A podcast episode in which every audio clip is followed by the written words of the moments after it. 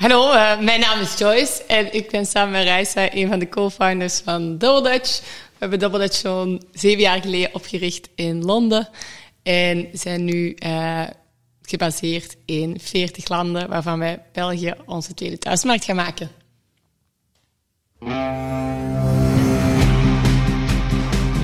Welkom bij de Tim Tom Podcast. Ik ben Timothy. En ik ben Tom. Samen zijn wij jouw GPS naar geluk en succes. Dag lieve luisteraar. Ik kan me zo maar voorstellen dat je tijdens het luisteren van deze podcast plotseling zin krijgt om van alles op te schrijven. Wat zou jij nu werkelijk willen met al die inspiratie en al die inspirerende gasten? Maar dat is nogthans helemaal niet nodig. Oeh, dat is niet nodig. Hé, hey, kan ik dat niet allemaal niet onthouden? En uh, wie gaat dat opschrijven voor mij? De kaboutertjes misschien? Nee, maar dat hebben wij al voor jou gedaan. Surf naar www.timtompodcast.com en daar vind je een blog boordevol tips en wijze inzichten van onze gast. En als je er dan toch bent, download dan meteen ons gratis e-book vol boekentips, luistertips en nog meer inspiratie voor jouw persoonlijke groei. Dag lieve luisteraars en welkom bij alweer een nieuwe route van de Tim Tom podcast. En uh, dit keer hebben we niet één gast te gast, Tom, maar we hebben er twee. Ja, Double inderdaad. trouble. Ja, het klopt. En uh, aangezien dat ik toch al een jaar of vijf gestopt ben met alcohol, is het niet dat ik dubbel zie, maar het zit echt wel twee zelfde mensen. Een tweeling. Ja, inderdaad. ja, de, de dames van Double Dutch. Uh, wij hebben die ontmoet op het event van Karel van der Velde. Klopt. Uh, Karel die uh, had op de eerste dag uh, ja, een mooi woordje voor ons. We moesten ons even rechtstellen. En wat pluimen in onze reet gestoken over onze podcast en over hoe fantastisch dat we zijn.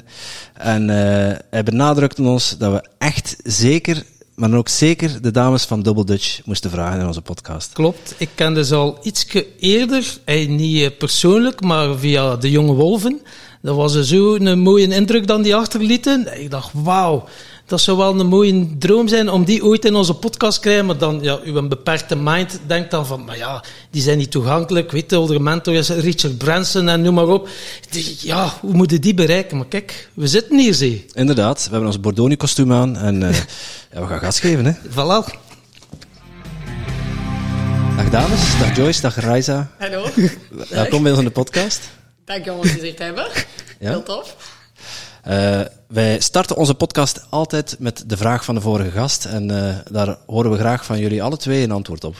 En, ja. uh, kijk ik naar, naar mijn compagnon hier. En ik kijk terug naar jou. ja, we kennen ze van mij. Het is een leuk vraagstuk om mee te beginnen. wat is de zin van het leven?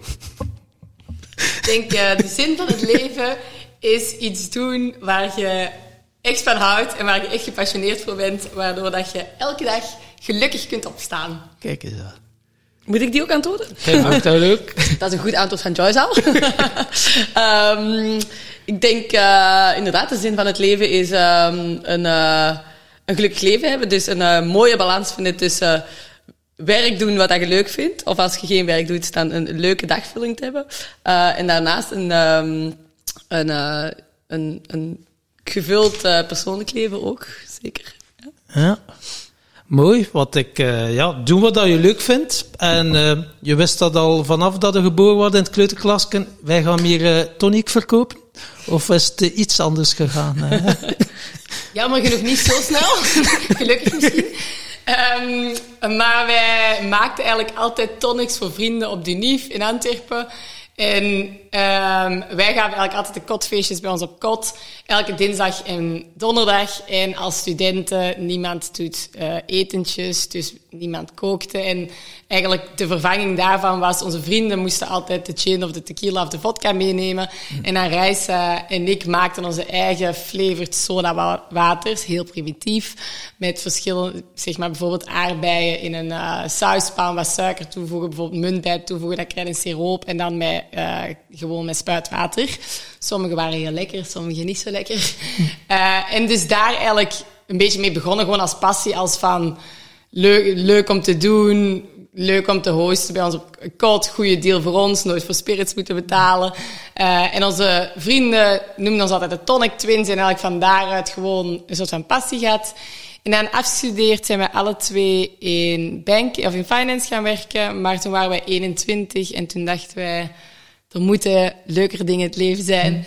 Uh, en dan ons uh, naar Londen verhuisd om een tweede master te gaan doen in tech entrepreneurship in 2013.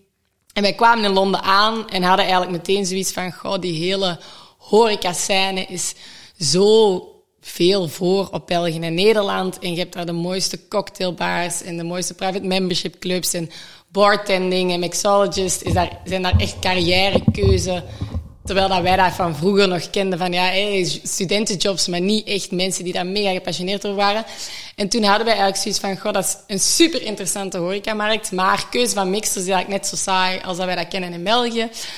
Um, en dan onze thesis geschreven over de hele chain hype en, het feit dat spirits mega uh, premiumisatie in zich hebben en er mega evolutie is in innovatievere distilleringsmethodes en verschillende spirits met verschillende um, cocktailcombinaties. Maar keuze van mixers zit eigenlijk helemaal niet in die lijn van innovatie en dat is zo'n complementair product. Dus dan onze thesis geschreven uiteindelijk met een concept van innovatievere, gezondere uh, tonicwaters en mixers. Toen nog niet, noemde geen Double Dutch, maar gewoon een soort van businessplan daar rond. En dan een prijs gewonnen voor beste thesis van het jaar. En toen heeft onze universiteit in Londen ons uh, onze eerste investering gegeven om onze businessplan of onze thesis een realiteit te maken. En dan vandaar in Londen begonnen. Wauw, en dan spreken we over wat jaar? Uh, 2013, zei je? In 2000, dus we zijn in 2013 naar Londen verhuisd en dan afgestudeerd in 2015. Dus in 2015 wow. uh, begonnen met Double Dutch.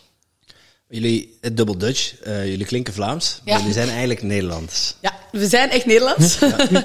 maar uh, toen wij heel jong waren, uh, naar België verhuisd met onze ouders. Dus lagere school en middelbare school in België gedaan. En van daaruit Nederlands accent verloren. ja, ja ik, uh, ik ben zelf ook een Nederlander. En uh, uh, ik switch een beetje. Ja. Dus nu zitten we hier met drie Nederlanders die Vlaams klappen, Tom. Ja, ja kijk eens. Omgekeerde wereld. de wonderen zijn de wereld nog niet uit. Hey, en, en, jullie zijn dan naar, naar Londen verhuisd. en met jullie masterthesis is alles begonnen. maar hebben jullie altijd alles samen gedaan? Want jullie, jullie zijn samen, eh, samen gaan studeren in Antwerpen, dan uh, samen naar Londen verhuisd. Uh, ja, vertel eens, hoe, hoe, hecht zijn jullie als tweeling? We hebben wel altijd in de grote lijnen altijd dezelfde interesses gehad. Ook toen we heel jong waren. In dezelfde dingen eigenlijk die we leuk en niet leuk vinden. Um, en daarin ook dezelfde interesses in studies gehad. En redelijk dezelfde punten ook altijd op school gehad. Dus daar altijd wel een grote lijn gehad. Um, we hebben ook geen andere broers en zussen, dus ik denk dat daardoor dat we wel heel close, altijd met z'n tweeën, altijd zijn geweest van een heel jonge leeftijd, uiteraard. Um, maar ik denk, uh, wij dachten altijd wel van, het zou superleuk zijn om, wij dachten wel, we doen ons, we gaan een, onze eigen business opstarten op een gegeven moment. Onze ouders waren ook altijd um, ondernemers en dus we dachten wel dat we gaan dat doen, maar op latere leeftijd, papa zei altijd, je moet eerst... Um, voor een uh, baas werken voor tien jaar en dan daar uw fouten uh, maken en daarvan leren en dan kun je eigen ding doen. Dus wij dachten wel, oh, als we 40, 50 zijn, gaan we iets samen doen. Uh, maar dan eigenlijk um, ja, door onze universiteit toevallig um, eigenlijk veel sneller begonnen. Dus je hebt niet naar jullie papa geluisterd? Nee. heb je er spijt van dat je niet naar je vader geluisterd hebt, Joyce? Zeker niet. Nee. nee? Wil, wil jij de microfoon ietsjes dichter zetten? Ja. ja. Dan weet ik zeker dat het goed opgenomen ja. wordt is mijn autistisch kantje, sorry. en uh, ja, ik, ik, vraag me af wat je, eh, de thesis over, uh, over mixers, over gin, wat, wat, heeft dat te maken met tech? Um, niet heel veel. dus wij kwamen aan op ons unief en het was dus eigenlijk, het idee was wel in fintech of in technology een soort van businessman te schrijven. Maar wij zeiden tegen onze universiteit, onze passie ligt echt in de dranken, horeca, in die industrie en in het sociale omgeving er rond. En het, ja, ik weet niet, altijd een passie voor kwaliteit uh, in food and beverage had. Uh, en onze universiteit zei van oké, okay, dat is oké, okay, uh, je mocht de technology part eigenlijk skippen om echt iets te doen waar je gepassioneerd in bent. En als je denkt van dit is wat je de rest van je leven wilt in, in voortzetten, dan is dat belangrijker dan de tech. En op zich heeft dat jaar ons wel, omdat dat meer tech gefocust was, ons wel geleerd om er eh, op een ander perspectief naartoe te kijken en het meer als met, wij zijn bijvoorbeeld gelanceerd met een product dat eigenlijk nog niet helemaal af was. Dus eigenlijk dan meer vanuit een technology MVP ehm, Perspectief. perspectief gezien en zo eigenlijk ook gelanceerd. Meer ook bijvoorbeeld het, de, meer de achtergrond als van hoe dat we het hebben opgebouwd met ehm, type personeel en type ehm, investering ophalen. Ook meer vanuit een tech company eerder dan traditioneel food and beverage. Dus ik denk dat er wel dingen zijn die iets meer tech gefocust waren, maar uiteindelijk wel hebben geholpen om er gewoon op een frissere kijk naartoe te kijken. Ja. Ja, toepasselijk gezegd. Een frissere kijk. Als jullie, eh, eh, want jullie verkopen zelf geen, geen alcohol. Nee. Eh, jullie verkopen puur de, ja, de wat luxere versies van, van eh, tonic. Ja. Ja. Om mensen zelf mee te laten eh, mixen. Ja. En waarom hebben jullie ervoor gekozen om, om jullie op de tonic te focussen en niet eh, ook de alcohol erbij te verkopen? Want het lijkt mij dat daar een heel groot verdienmodel ook zit. Ja, inderdaad. Eh, het zou logisch zijn, het- of het kan een logische stap zijn, maar ik denk, wij willen met Double Dutch echt ehm Double Dutch mega groot maken. En ik denk dat het belangrijk is om focus te hebben in... het- Voor ons is echt 100% het doel om Double Dutch een globaal merk te maken. Eh, dus onze focus is echt om Double te laten groeien. En ik denk, er zijn al mega veel innovatieve, variabele, eh, verschillende gins, vodka's, tequila's. Ehm, ik denk in elke categorie van sterke dranken zijn er vijf tot twintig, ligt een beetje aan de categorie en land, maar vijf tot twintig merken die echt die markt eigenlijk domineren in gins en in vodka's en in tequila's. Maar als je kijkt naar de mixermarkt, die is eigenlijk nog redelijk underdeveloped vergeleken tegen de sterke dranken. Er zijn twee, drie merken in tonic waters die echt globaal zijn. Maar ik geloof echt dat er plaats is voor nog twee, drie andere spelers. Wij willen echt focussen op innovatie en op eh, smaakinnovatie en op ehm, niet alleen gin, maar ook om cocktails super makkelijk te maken thuis. Of voor horeca ehm, om cocktails super makkelijk op een consistente manier te maken. Ehm, dus ik denk echt wel dat wij daar een super veel groeipotentieel nog hebben. En onze eh, key focus is echt die mixermarkt te ontwikkelen. En wij zouden inderdaad een makkelijk verdienmodel, denk ik, kunnen doen met een spirit ernaast te doen. Maar dat is niet onze focus. En ik denk dat het belangrijk is om echt die daar heel hard op ehm, Ja, en ik denk ook met dat, het is niet dat dat exact in hetzelfde channel zou kunnen passen binnen Double Dutch, want wij zijn niet alcoholisch. Dan krijg je een alcoholdrank, dan ga je in bonded warehousing, dan ga je met, eh, met excises zitten, met taxen. Dus het is niet dat per se ons finance en ops heel makkelijk een spiritsmerk erbij zou kunnen pakken. Dus dat is weer eigenlijk een andere structuur dat je dan moet aannemen, waardoor dat eigenlijk de efficiëntie ook niet meer zo posit- of niet zo eh, niet zo'n voordeel heeft, waardoor dat onze focus weer wegvalt van gewoon 100% Double Dutch groot te maken. En ik denk, je kunt niet alles doen in één keer, dus eerst focussen op Double Dutch wereldwijd groot te maken en dan kunnen we nog zien.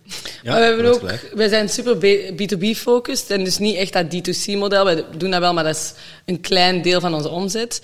En ik denk het voordeel dat we ook hebben door niet onze eigen spirit te hebben, is dat we kunnen ehm, samenwerken met de andere gin-merken en vodka-merken en tequila-merken en daardoor eigenlijk ook een beetje ehm, op hun marketingbudget te kunnen ehm, Ja, ja. ehm, Meespelen. meespelen. Dus ik denk dat er ook wel voordelen zijn om dat we alleen tonic water zijn en daardoor ook meer partners kunnen hebben in de sterke drank. En ehm, je zei van, hebt eh, vooral geëxperimenteerd in de keuken. De ene keer was dat wel meer succesvoller dan de andere keer. Sta je nu nog in de keuken om eh, nieuwe smaken eh, te gaan ontdekken? Of ja, nieuwe tonics of double Dutch of hoe noem ik het, Ja. op de markt te brengen? Doen, doen jullie dat nog? Of heb je nu een volledige kip die test en, en dat jullie gewoon proeven? Nee, we hebben nog altijd wel, dus wij doen wel de initiële smaakontwikkeling nog altijd zelf. En dan werken wij met een flavor developer en die eh, maakt onze eh, recepten meer commercieel. Ehm, die, maakt er zijn, ei- die, die, ja, die verbetert eigenlijk onze recepten. En dan werken we met een laboratorium eigenlijk in ehm, het noorden van Engeland. ehm, waar we kijken waar dat we, hoe dat we onze ingrediënten kunnen sourcen en hoe dat we het echt eh, in grotere volumes kunnen produceren.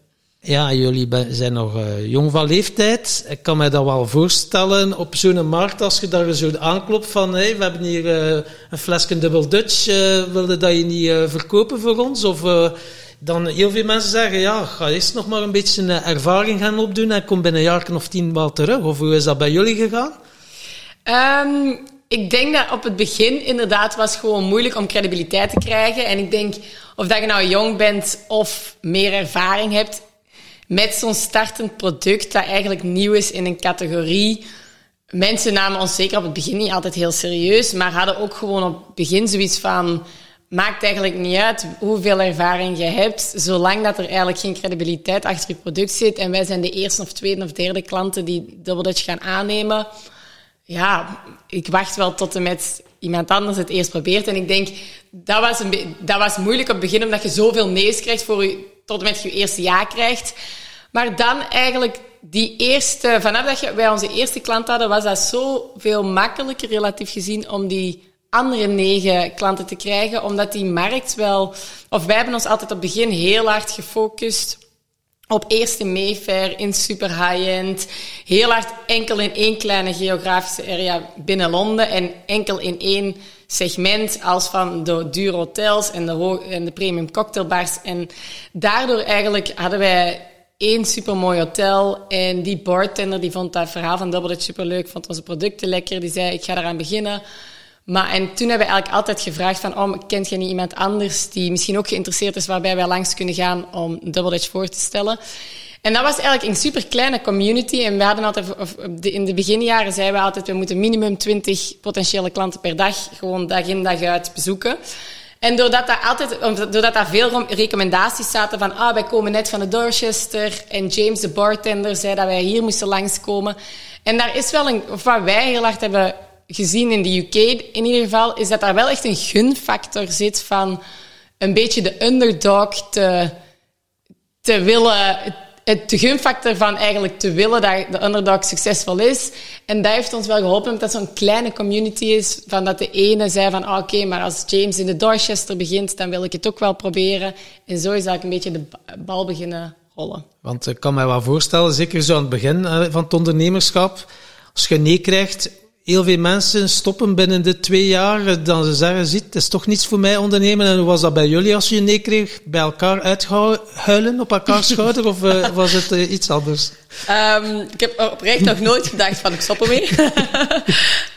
Maar ik denk dat het wel helpt om met twee te zijn, want je, de ene is up, de andere is down. En je, je brengt each other wel ehm, meer naar het positivisme. Dus ik denk, ja, valt wel mee. Ik denk dat je gewoon doorzettingsvermogen moet hebben. En eh, wij geloofden echt, en ik geloof echt in Double Dutch en het concept en de smaken en alles er rond.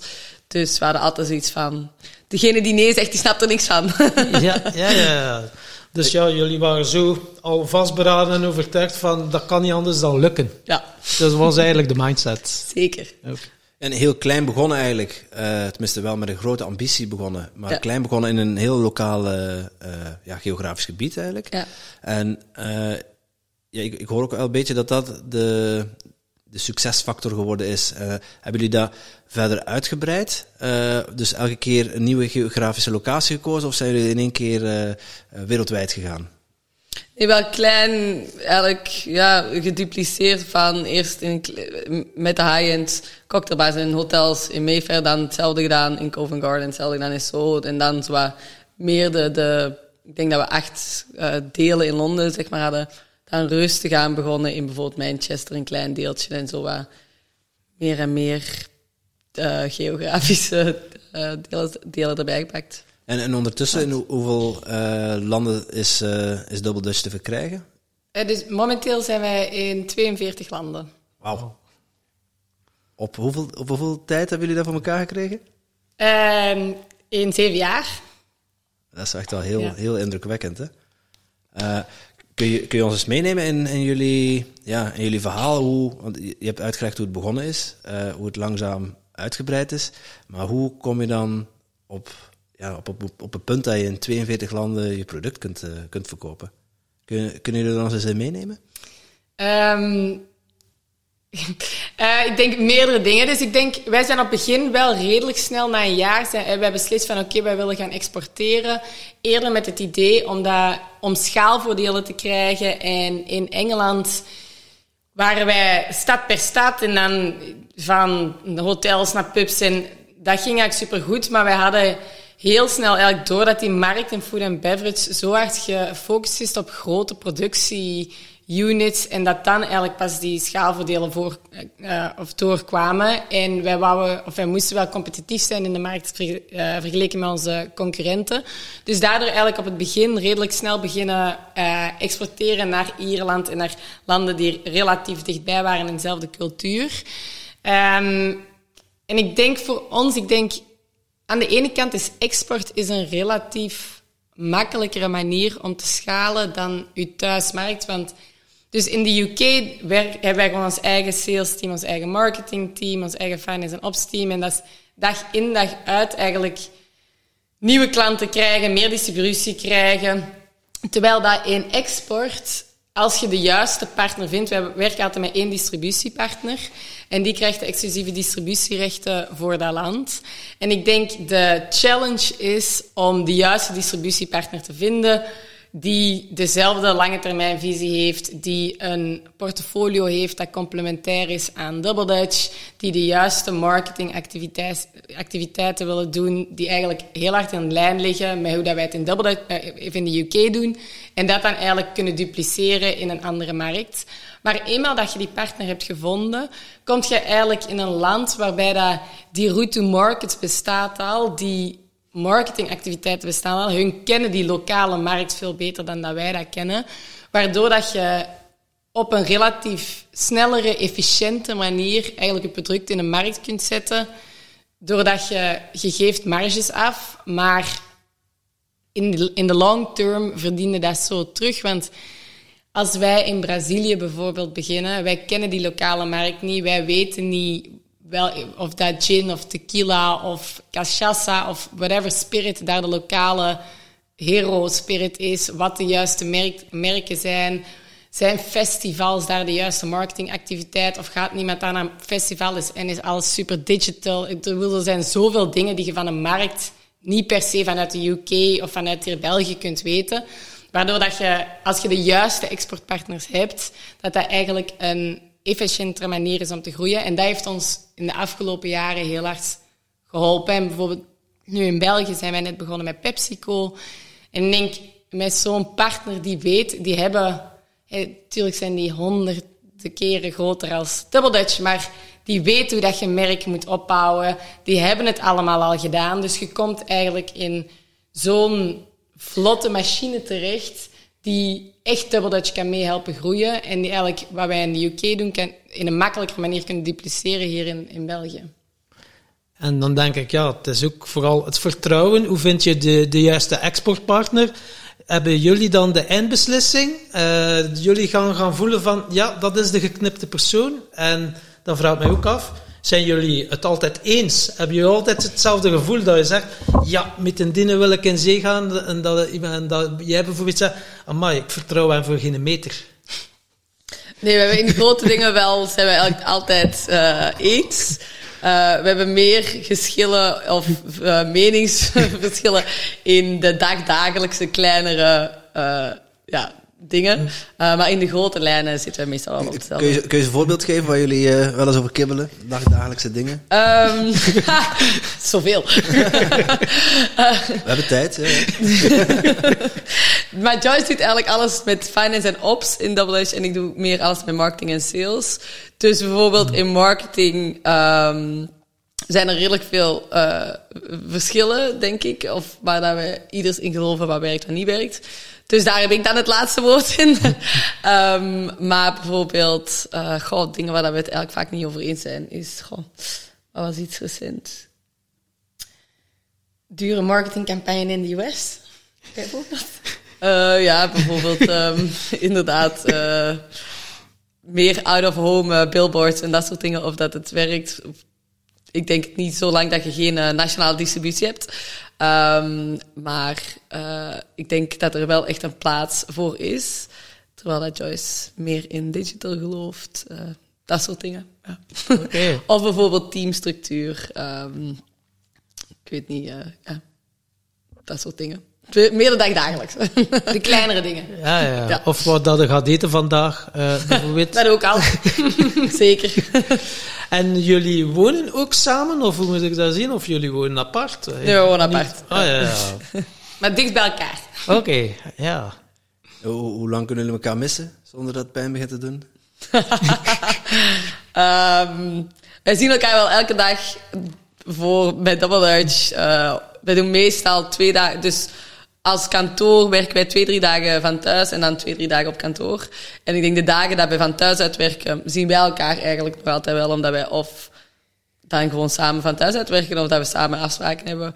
Eh, dus we zien elkaar wel meestal elke dag. En, we zitten hier nu in Weinigem, maar eh, jullie zijn begonnen in Londen. Ja. Eh, wat heeft jullie terug naar België getrokken? Een ja, combinatie van familieomstandigheden persoonlijk. En daarnaast ook dat we eigenlijk van België naar Nederland echt onze tweede thuismarkt willen maken. Ehm, dus eigenlijk hier veel eh, op de lokale markt afspraken met horecazaken zaken te kijken. Hier hoe dat we mee onze distributeurs kunnen eh, ondersteunen. Dus een combinatie van beide. Een tweede thuismarkt, de eerste is dan de UK. Ja. Eh, hoe, hoe vlot het hier in eh, België en Nederland? Gaat dat, gaat dat net zo hard als in, eh, in de UK? Ja, ik ben ehm, wel echt blij met de vooruitgang dat we hebben in België en Nederland. We zijn nog maar redelijk recent eh, hier begonnen. Ehm, maar we hebben wel een, een goed in de horeca de, een paar supercoole eh nieuwe hotels. De, veel Michelin-starred eh restauranten die Dutch mee aan boord aan het nemen zijn. Dus ehm, ja, ik ben heel blij met de vooruitgang. Ik, ik hoor jullie zeggen van we werken samen met een, met een vaste distributiepartner. Eh, hier in België is dat dan PepsiCo. Eh, hebben jullie dan zelf nog eh, invloed op, op de manier waarop jullie product ver, gedistribueerd wordt? Zeker. Hun zijn ook, willen ook gewoon samenwerken. En ik denk dat we op zich wel dezelfde visie hebben. En we, werken, we zitten ook wel gewoon vaak samen met wat is de focus bijvoorbeeld. We gaan nu bijvoorbeeld een extra focus op Antwerpen regio doen. Maar daarnaast ehm, is bijvoorbeeld Gent een, een sterk punt van hun eh, origineel. Dus het is wat samenwerken.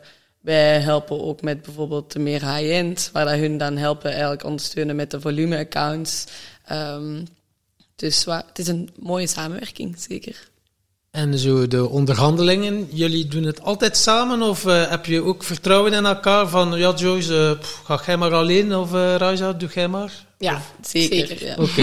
Ja, dat- dat- Anders zou het... Heel onefficiënt zijn. Oké. eh, als je, eh, ja, je sprak in het begin over, over zingeving, over eh, werk doen wat je leuk vindt. Eh, jullie, jullie zeiden dat allebei. Ook daarnaast een gevuld persoonlijk leven. Ehm, ik ben wel benieuwd, wat, naast ondernemen, wat, wat, houdt jullie nog, eh, wat maakt jullie nog warm?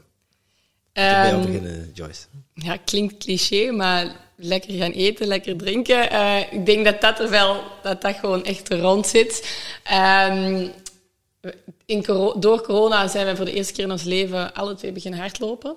Ehm, dus dat is een nieuwe, gezondere hobby. Eh, maar ik denk in het algemeen, ja, vind ik super leuk om gewoon met vrienden naar leuke restaurants te gaan, naar leuke festivals, leuke beachclubs, leuke, een beetje dubbel de, of ja, het double Dutch werkleven in de meer ehm, vrije en meer vrije tijd. Ehm, ik vind reizen superleuk. Ja, eigenlijk alles rond wat double Dutch is.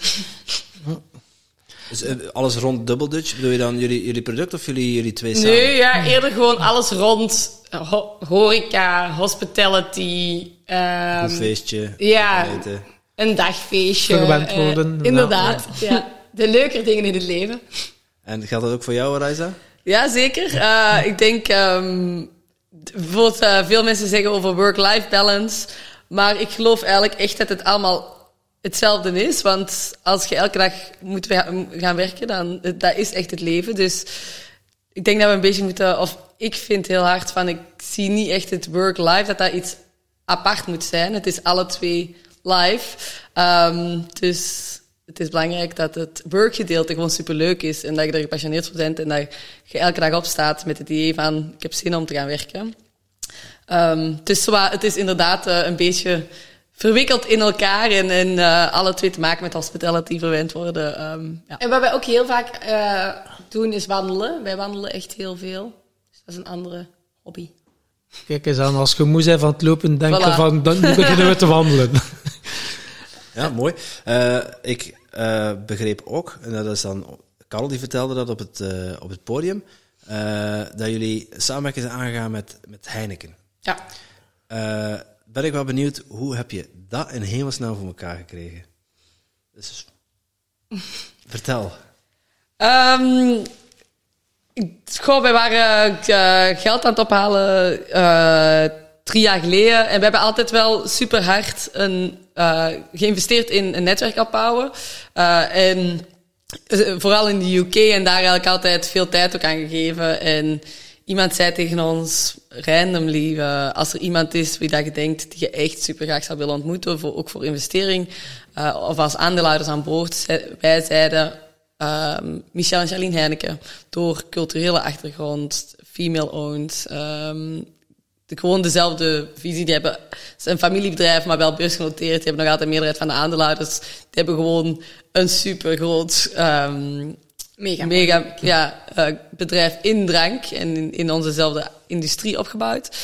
Um, en ook origineel, um, deur per deur is Freddy Heineken, café per café zijn bier gaan verkopen. Dus gewoon een super mooi bedrijf dat echt gigantisch is geworden. Dus wij zeiden tegen die persoon, oh ja, Charlene en Michel Heineken waarschijnlijk. En die zei, ik ga dat voor jullie regelen. En wij dachten, goh, zal wel. Um, gaat niet gebeuren. Uh, en uiteindelijk, ja, he came true. En uh, heeft die introductie gemaakt. En uh, we hadden eigenlijk meteen een supergoeie klik met hun. Um, omdat wij zo hetzelfde, ja, hetzelfde in geloven. En um, dus hun hebben ook in Double Dash Privé geïnvesteerd. Uh, en we hebben eigenlijk superveel steun aan hun, ook met distributie. Hun helpen ons superveel, ook met de strategie. Um, Michel uh, zit ook in onze board. Uh, dus ja. En het is niet zo dat, uh, dat zij zich hebben ingekocht en daardoor jullie onder, onder het merk Heineken vallen. Jullie zijn wel nog steeds zelfstandig. Ja, ja, ja. ja, ja. En de, ja, op zich wel bijzonder de strategie, tenminste, ik, ik, ken, ik ken Heineken het verhaal ook wel een beetje. En de strategie is vaak dat zij uh, andere bedrijven opkopen om, uh, om dat onder hun vlag verder uh, te laten groeien of verder uit te rollen. Hoe hebben we het voor elkaar gekregen om, om toch de touwtjes in eigen handen te houden? Dus het is Michel en Charlene Heineken die privé hebben geïnvesteerd. En we zullen zien wat de toekomst brengt. Maar momenteel is het een privé-investering van de meerderheidsaandeelhouders van Heineken. Dus wij zitten eigenlijk los en daardoor... Um, wij, bijvoorbeeld in Oostenrijk, in Nederland, in Brazilië is Heineken onze distributeur. Um, maar dat is wel compleet los van elkaar. Dus ja. Ja, het is in België, je bent niet verplicht om, om Heineken als distributeur te nee, nemen. Maar Heineken is ook de distributeur van uh, Pepsi in Nederland. En zo is dan de introductie eigenlijk met België hier gekomen. Dus er zijn wel veel linken. Oké. Okay. Ja. En ik had op jullie website zitten snuisteren. Ik heb me nog nooit zo goed voorbereid voor een interview. dat is mooi. Tot, tot, tot, hier mijn voorkennis trouwens. nog nooit zoveel gin tonics gedronken. uh, wat lief. uh, ik zag ook dat jullie een heel mooie prijs hebben gewonnen van Richard Branson. Ja, klopt. En dat is ook niet de minste onderneming op, uh, op deze aardbol. kunnen jullie daar wat meer over vertellen? Ja, um, dat was eigenlijk super vroeg in Double Dutch. Uh, dus toen dat wij nog maar, um, ik denk drie maanden of vier maanden bezig waren, heeft Richard Branson ons een soort van prijs gegeven voor uh, Most Innovative Food and Beverage Brand of the UK. Um, en daardoor eigenlijk heeft ons super hard geholpen om zowat die eerste credibiliteitsstap te krijgen. Um, en ook gewoon uh, veel pers en media gekregen. We hadden de week erop op de voorpagina van de Evening Standard en de Financial Times. En dat heeft ons gewoon wel veel, een beetje ook awareness naar horeca-klanten toegegeven. En mensen zeiden van, oké, okay, als Richard Branson er achter staat, dan, dan zal ik het ook wel willen proberen. Dus dat heeft wel, vind ik, als er één ding is, dan in het begin van onze journey eigenlijk om te pinpointen van oké, dat heeft ons eigenlijk wel echt onze groei geaccelereerd, vind ik wel echt dat hij ons heel hard heeft geholpen.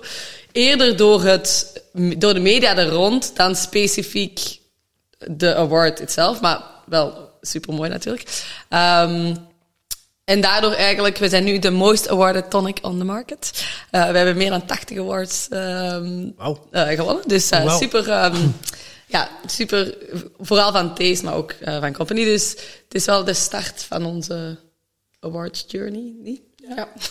en ben je dan ook al bij hem uh, uitgenodigd geweest op het eiland van uh, de Richard? Helaas. ik wacht nog altijd op een uitnodiging. Richard, if you hear this. Zo, wacht op een uitnodiging. ja. En uh, je zei het grootste keerpunt is, is eigenlijk die, die award, de media, aandacht erom, ja. omheen. maar ja, het gaat niet vanzelf, denk ik. Hè? Ik kan me ook zomaar voorstellen dat jullie af en toe eens te maken krijgen met tegenslag. Zeker. En ik ben wel benieuwd, hoe, hoe gaan jullie om met tegenslag? Uh... Um, ik denk tegens, ja, ik denk als je een startend bedrijf bent en je bent aan het groeien, dan komen er zoveel tegenslagen ook wel tegen. Ik denk dat dat onvermijdelijk is. Maar ik denk dat, je, of dat wij in het algemeen altijd wel hebben gekeken naar die tegenslagen van, goh, kunnen we daar iets uit leren? En zo erg is dat niet. Je kunt niet alleen maar successen krijgen zonder die tegenslagen. Dat bestaat niet, dat is nog niemand gelukt. En ik denk met dat is dat wel veel fijner om met twee te zijn, want die ups zijn twee keer zo high en die downs zijn nog niet de helft zo down. En ik denk met dat ook met bijvoorbeeld een supergoed netwerk rond u te hebben. En we hebben altijd in onze raad van bestuur, eh, met dan de familie Heineken, maar ook onze chairman is Mervyn Davis, die was vroeger trade minister en zat in de board van Diageo. En dan hebben wij andere mentors. En met tegenslagen helpt dat supergoed ook om een juist netwerk te hebben dat aan de ene kant kan helpen van oké, what did we learn about it? Wat is de nieuwe strategie? Upwards en onwards dan te hard na te denken over die tegenslagen. Ik geloof echt dat... Ja, ik denk niet dat je kunt groeien zonder die tegenslagen. Dus dat hoort er gewoon bij. En als je daar... Je moet daar ook niet te lang bij stilstaan. Maar bijvoorbeeld, en dat is misschien ook niet altijd juist... Ik denk dat wij langer stilstaan bij de tegenslagen dan bij de successen. En toch, misschien... Um, ja, en ik denk als je daar iets van kunt leren, dan... Het is onvermijdelijk, dus ja, dat is maar wat is, ja. Ja, want ze zeggen eigenlijk, uh, ja, een tegenslag of falen is, is uitgesteld succes. Je hebt die lessen ook wel nodig om ja, te groeien ook. En uh, ja, onze podcast gaat over persoonlijke groei. Uh, zijn jullie ook zo gebeten door uh, persoonlijke ontwikkeling en persoonlijke groei? Dan hebben we zo de boeken van non-fictie en de, hoe noemen ze er allemaal, de Tony Robbins en zo. Gaan jullie ook zo naar seminars om... Uh, Over hete kolen te lopen en te knuffelen? Um, Karel is onze buurman, dus van Karel ah, krijgen wij... Ja, ja oké. ja. ja. Uh, nee, ja, van Karel vind ik dat wel echt heel inspirerend en superleuk. Um, om te doen en zijn seminars bij te wonen. Dus dat vind ik super tof. Maar ik denk ook wel gewoon met onszelf en met ons team en zoals zelfreflectie. Uh, ja. ja. En wat voor leeftijd zijn jullie begonnen met uh, persoonlijke groei?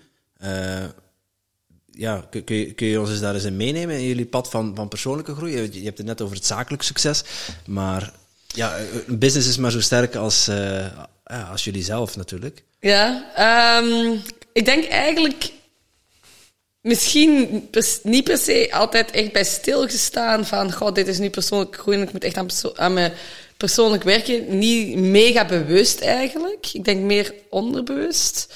Uh, door de competitiviteit tussen ons twee. Um, en ik denk op de UNIF of op de middelbare school hadden wij altijd al een competitie onder elkaar van, oh, Joyce is aan het studeren, shit, dan moet ik ook nu gaan studeren.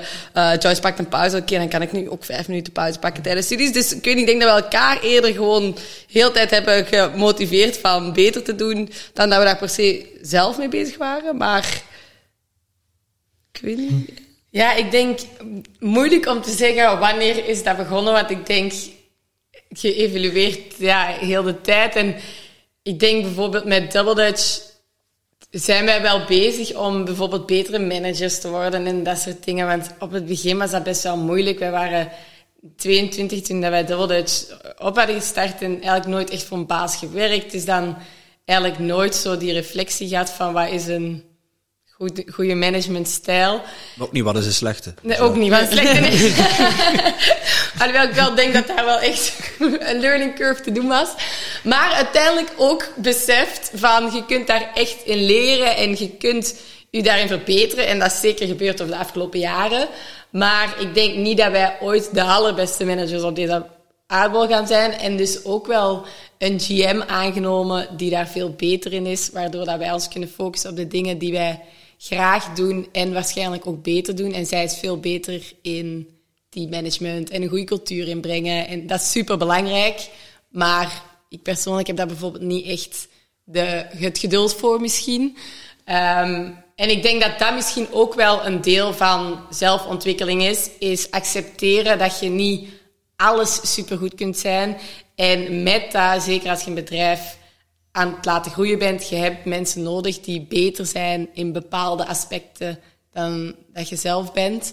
Dus um, ik denk dat wij daar vooral beter in worden, in te focussen in wat wij graag en goed doen en niet proberen alles te doen. Ja, ik denk dat dat een belangrijk, uh, een belangrijk gegeven is ook om te kunnen groeien. Als bedrijf en als persoon. Ja. Dus dat, kun, je, kun je je nog herinneren dat jullie alles zelf deden in het begin?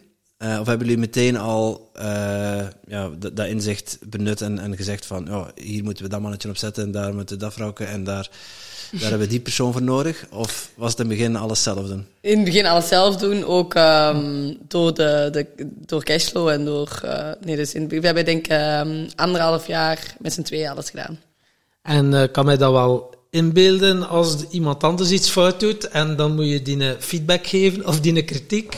Nam je die altijd ter harte? Of was dat uh, met de messen naar elkaar en uh, in elkaar zagen van, en jij hebt dat gedaan en tjak, tjak, tjak, of... Uh, of het, het is niet dat we diplomatisch feedback aan elkaar geven. Nu ga ik eens nadenken hoe ik dit beleefd kan zeggen tegen Joyce, dat niet. um, dus wij zijn wel heel direct in onze feedback. Uh, maar dat is misschien ook een goed ding. En uh, het is uh, wel efficiënt en snel. en en je hebt het over um, we hebben het net over persoonlijke groei gehad. Uh, le lezen jullie ook veel? Lezen jullie veel boeken? Of? Eigenlijk niet heel veel tijd voor, maar uh, sinds dat ik uh, ben beginnen lopen, doe ik wel audiobooks bijvoorbeeld. Ja, podcast. Ja, in podcast, ja. zeker. ja. Heb je dan naar de Tim Tom podcast geluisterd? zeker en vast. Ja, is het waar? als je um, zo kijkt van jullie periode als ondernemers. Eh, jullie noemden net al een aantal namen. Uh, maar wie zijn voor jullie nu echt mentoren geweest waar jullie heel veel aan gehad hebben? En, en wat zijn de, wijste, de, de meest wijze inzichten wat jullie van die persoon hebben gekregen? Uh, ik denk onze langste mentor en eigenlijk wel het meest, die ons het meest bijgedragen is Iwan Ventners. Die was, we hebben die leren kennen op een etentje toen dat wij eigenlijk nog maar net echt zes maanden dubbeldatch hadden. En wij waren naar een netwerkevent uh, voor 30 jonge food and beverage uh, ondernemers gegaan. We waren allemaal, dat waren allemaal jongen. We hadden allemaal niet langer dan zes, of een jaar, zes maanden of een jaar uh, onze start-up. En Iwan hostte dat diner. En dat was eigenlijk, hij kende die ondernemers ook niet. Dat was gewoon voor, hij was CEO van Fort Mason van, een, van een van de grootste um, department stores. Department stores. Um, en hij organiseerde dat eigenlijk als van, ja, gewoon om, ja, eigenlijk als een network hosting event. En wij hadden Ivan de volgende ochtend een mailtje gestuurd van dank u om uh, dat te organiseren. Wij vonden het super interessant. En bleek dat wij de enigste van die 30 ondernemers waren dat Ivan een bedank-e-mailtje hadden gestuurd. En Ivan zegt altijd, maar ik denk daar zo vaak over na, want dat zijn zo de makkelijke dingen in het leven om snel even een bedank-e-mailtje te sturen. En hij was de CEO van een van zijn grootste warenhuizen van Engeland, terwijl dat al allemaal food and beverage entrepreneurs zijn die allemaal een product in Fort Mason zouden willen hebben. En sindsdien is hij eigenlijk een supergroot mentor van ons geweest. Die heeft ons met superveel dingen geholpen. Um, maar die heeft ons vooral echt geholpen met ons netwerk in de UK op te bouwen. En ik denk, of ik geloof echt dat mensen van mensen kopen en dat er een bepaalde, dat je echt een gunfactor nodig hebt in, in business. En daar heeft iemand ons heel hard mee geholpen. Eén, om ons netwerk uit te breiden, maar ook om dat te beseffen. En uh, heeft ons ook heel hard uh, geholpen gewoon met distributiedeals en juist de mensen leren kennen. En hij, en heel hard, door hem zijn we eigenlijk heel hard blijven focussen op dat premium gehalte. En heel hard beseft van je kunt alleen maar met een product van top naar beneden gegaan. Je kunt niet van bottom up gaan. En die heel premium strategie is wel een beetje door Iwan. Um, ja. Bedacht. Ja. En naast Ivan, uh, wie is voor jou een uh, belangrijke mentor geweest? Uh, ja, ik heb wel ook heel veel aan hem als steun gehad. Maar ik denk dat er eigenlijk ook gewoon... In, we hebben een paar andere mentors waar we maandelijks mee afspreken en gewoon echt in strategie zitten. Maar ik denk inspiratie en uh, motivatie van zowat de dagdagelijkse en advies van dagdagelijkse van uh, Joyce, van mama, van papa, van een vriend, van andere vrienden die ook een eigen bedrijf hebben, of juist niet, en die het perspectief geven van, ah, bij mij op het bedrijf wil ik eigenlijk, mijn baas doet dat zo, of ik doe dat zo, en ik vind dat irritant van mijn baas dat hij bijvoorbeeld dit doen. Of uh, denk ik dat je in het dagdagelijkse, of, zo, of zelfs gewoon de Richard Branson en de Elon Musk, die je niet ontmoet, maar de podcast van luisteren. Of de, uh, vind ik ook gewoon inspirerend en motiverend, en vind ik dat je ook heel veel aan hebt. Um, dus ik denk dat het een combinatie is van de traditionele mentor waar dat je elke maand mee afspreekt om bepaalde onderwerpen te hebben en dan meer het dagdagelijks eigenlijk. Ja. Je noemt net uh, Richard Branson, Elon Musk uh, als, als voorbeelden. Uh, wat, wat vind je zo inspirerend aan iemand als bijvoorbeeld Richard Branson? ik vind hem super cool omdat hij mega. Het, het heeft een, wel een vinger in alles. een mega gevarieerde um, industrie, waar dat hij eigenlijk alles overal wel echt gepassioneerd in is. Um, ja, en gewoon... Ik denk, wat heel cool bij Richard Branson is, is dat hij zo'n naam voor zichzelf heeft gemaakt. Maar alsnog... Ik, ik denk, iedereen denkt Richard Branson, denkt Virgin en other way around. Maar Virgin on itself is ook sterk en groot genoeg dat zonder. dat, dat zonder Richard Branson ook zo sterk en verder zal blijven groeien. En ik denk dat Richard Branson echt een van de enigste personen is die zo'n goede connectie met persoon versus bedrijf heeft gemaakt en daar een mega goede balans in heeft gezet. Ja, Karel van der Velde die noemt het uh, jezelf positief overbodig maken. Ja. Uh, hoe ver zijn jullie daarin? Uh, in hoeverre zijn jullie positief overbodig in jullie bedrijf? Um, ik denk redelijk oké op weg. Uh, maar we hebben natuurlijk wel het, ons merk noemt Double Dutch, gerefereerd naar wij als Nederlandse tweeling. Um, dus dat is wel een sterke link bij ons.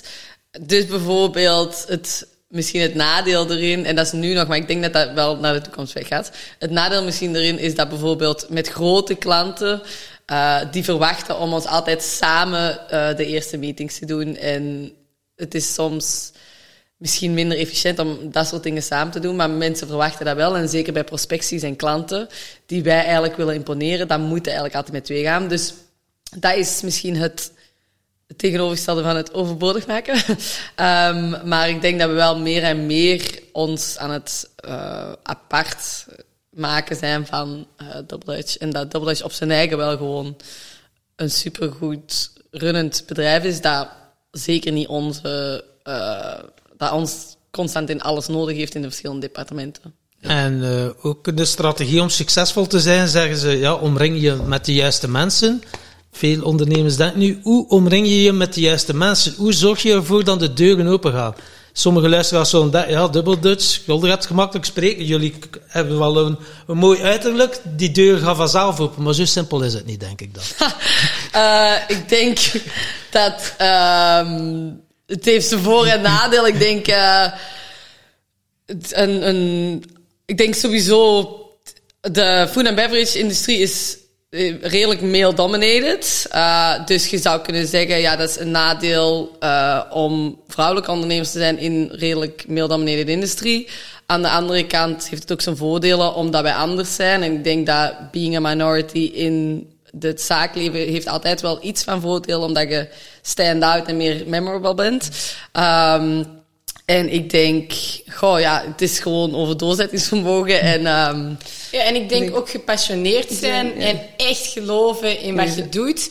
En ik denk dat dat aanstekelijk is, of dat je nou, of dat je nu jong bent, of ouder, of man of vrouw. man of vrouw, of eh, aantrekkelijk of niet aantrekkelijk. Ik denk dat dat onrelevant is. Ik denk dat mensen willen zich associëren met passie. associëren met passie en met gemotiveerde mensen. En als ik kan kiezen om met superleuke, energetic people om te gaan of van die mega energy drowners, niemand heeft daar zin in, toch? Dus ik denk dat het wel echt gaat om uw passie proberen verder te zetten en mensen mee in uw passie te krijgen en zo eigenlijk uw netwerk op te bouwen waarbij mensen denken van, oh goh, daar geloof ik nu eens echt in, want wauw, dit is super leuk om met hun om te gaan, want ik wil daar meer van weten. Die houden zo hard van wat ze doen. Die gaan niet opgeven. Ja, die geven niet op. En dat dat een soort van energy kind of ding is. Ja. Ja. En het is zo niet meer, ja, gelijk, eh, zorg dat je een goede elevator pitch hebt, hè, 20 seconden verkoopt u. Dat is het, hè. dat is misschien een beetje voorbijgestreefd, als ik het zo hoor. Het is gewoon hoe dat je binnenkomt, de energie dat rond jou hangt. En ja, je hebt natuurlijk wel, het is wel belangrijk dat je iets te vertellen hebt Ja. ook. Dat je er niet, maar nee, ik- ja.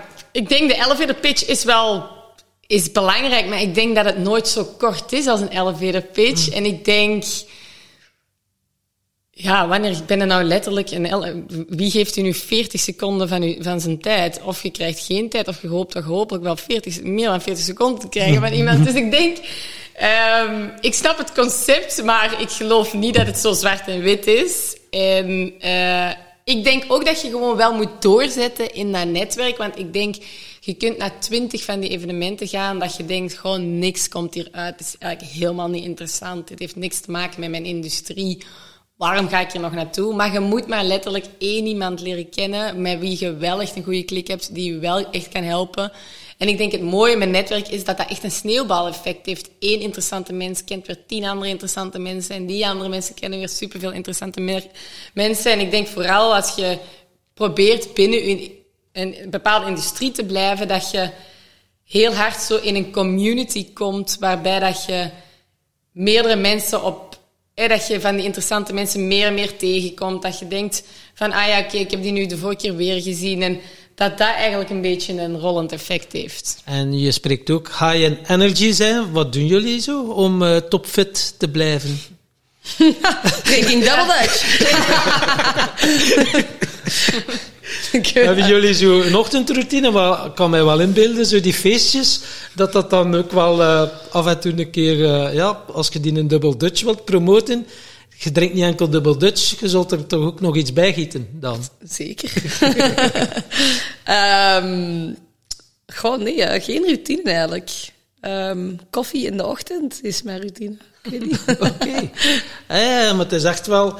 Uiteindelijk kan, kan ik eruit afleiden, als je gepassioneerd bent door hetgeen dat je doet, die levensstijl, weet je, je mocht zo nog een keer eh, goed feesten en, eh, en een keer eh, volledig losgaan. Die energy, ja, dat is jullie passie, als ik het zo begrijp. Zeker. En ik denk dat ook misschien meer authentiek naar jezelf blijven gaan. En ik denk mensen ehm, gewoon jezelf blijven. En, en eh, voor ons is het, vind ik dat bijvoorbeeld heel leuk en dat hoort erbij. En, maar misschien voor iemand anders niet. En ik denk, als je het oprecht niet leuk vindt, dan dat is fijn. Maar ehm, niet proberen u te voordoen als iets anders. Oké, dus het authentiek zijn. Nu ben ik een keer benieuwd. eh, je mag ze allebei oplossen, maar eh Raisa, wat zijn de sterke... Zullen we beginnen met iets leuk? Of niet? wat zijn de sterke punten van Joyce? Eh, de sterke punten van Joyce zijn. Eh, nee, nee. Eh, het lange termijn visie eh, die niet. Oké, wel de dagdagelijkse visie en, en, en. Maar zeker het lange termijn er rond altijd. En, en, en het, het zien van de bigger picture.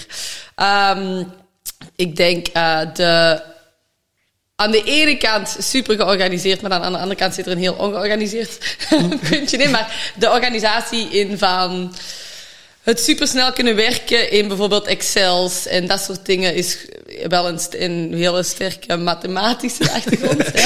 Toch? Ja, is makkelijk? Ah, de Excel-expert. Ja, de, luister, de luisteraars zien jullie, want ze beginnen draaien. boven. Dat dit een van mijn twee sterke punten is. En een doorzettingsvermogen. Oké, het is uw moment, eh, Ja. Joyce. Hij is dus heel goed met PowerPoint. Ehm, nee, ik denk aan de ene kant het creatieve eh, is een van Rijs' sterkere punten.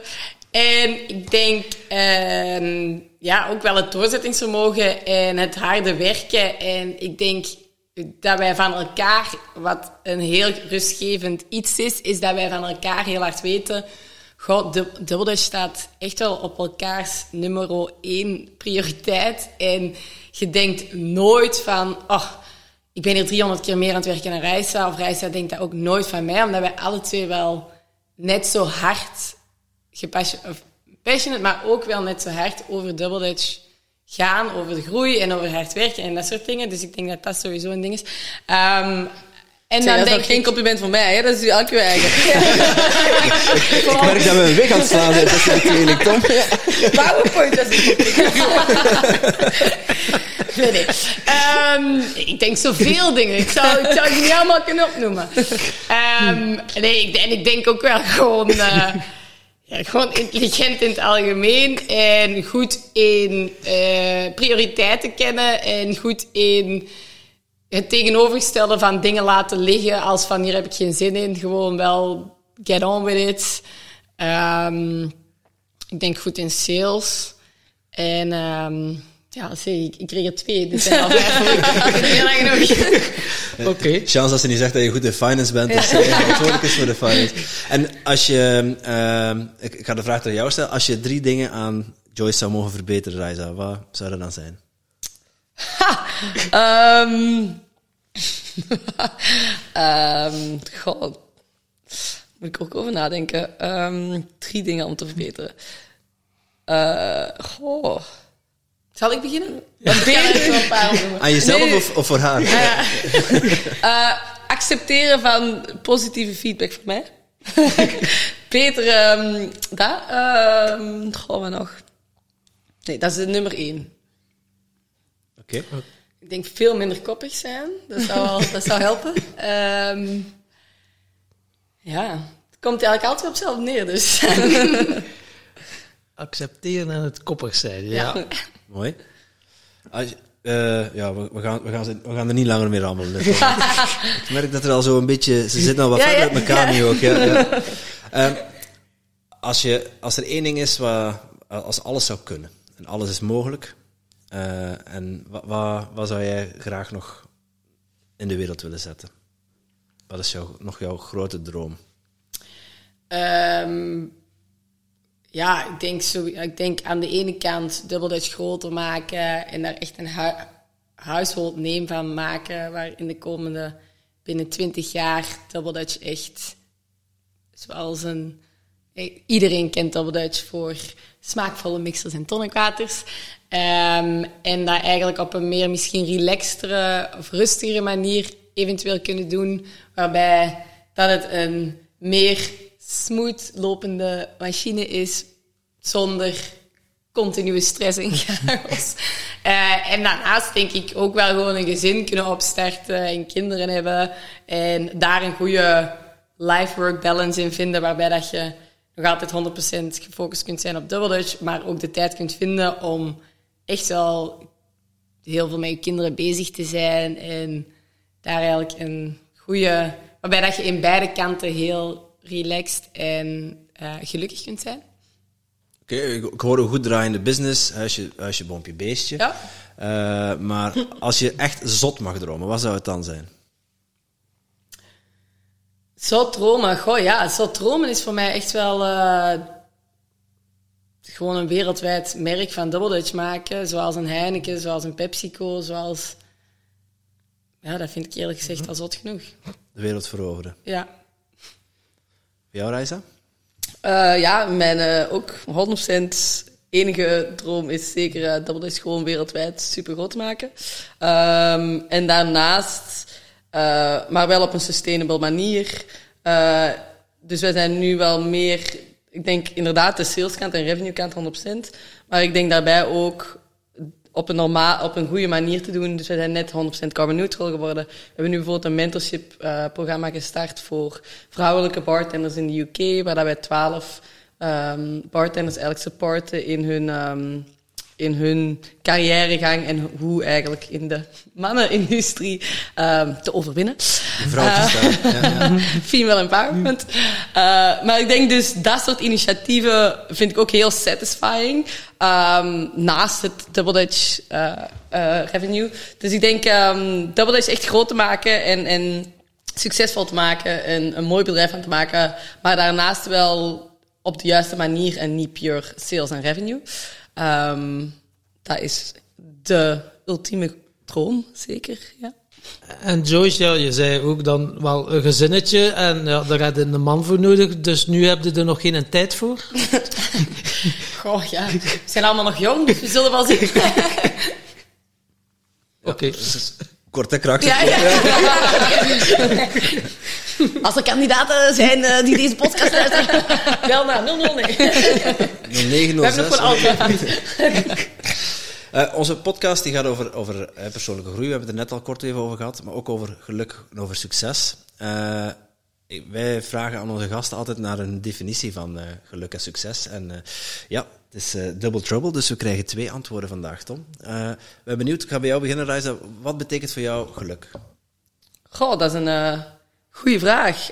Um, geluk betekent... Um, ja, gelukkig zijn. Um, ik denk uh, niet gestresseerd, blij, rust, maar veel leuke dingen doen en veel lachen, veel de dingen doen dat je eigenlijk dat je blij van wordt, dat je een lach van op je gezicht krijgt.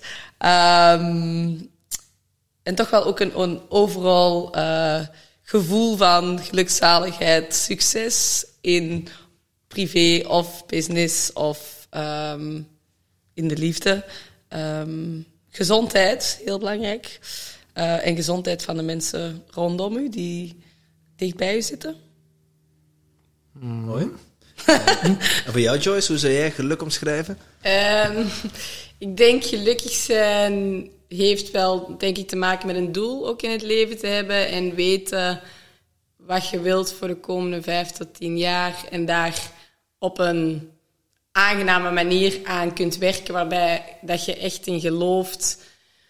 Um, maar ik denk een doel hebben in het leven helpt wel in gelukkig zijn. En ik denk daarnaast, um, ik denk het aller, allerbelangrijkste is de mensen van wie dat je echt houdt, die echt belangrijk voor je zijn, dat hun gelukkig zijn en dat je daar echt, dat die gezond zijn. En ja, waar ze zegt dat je hun zo lang mogelijk rond u kunt hebben.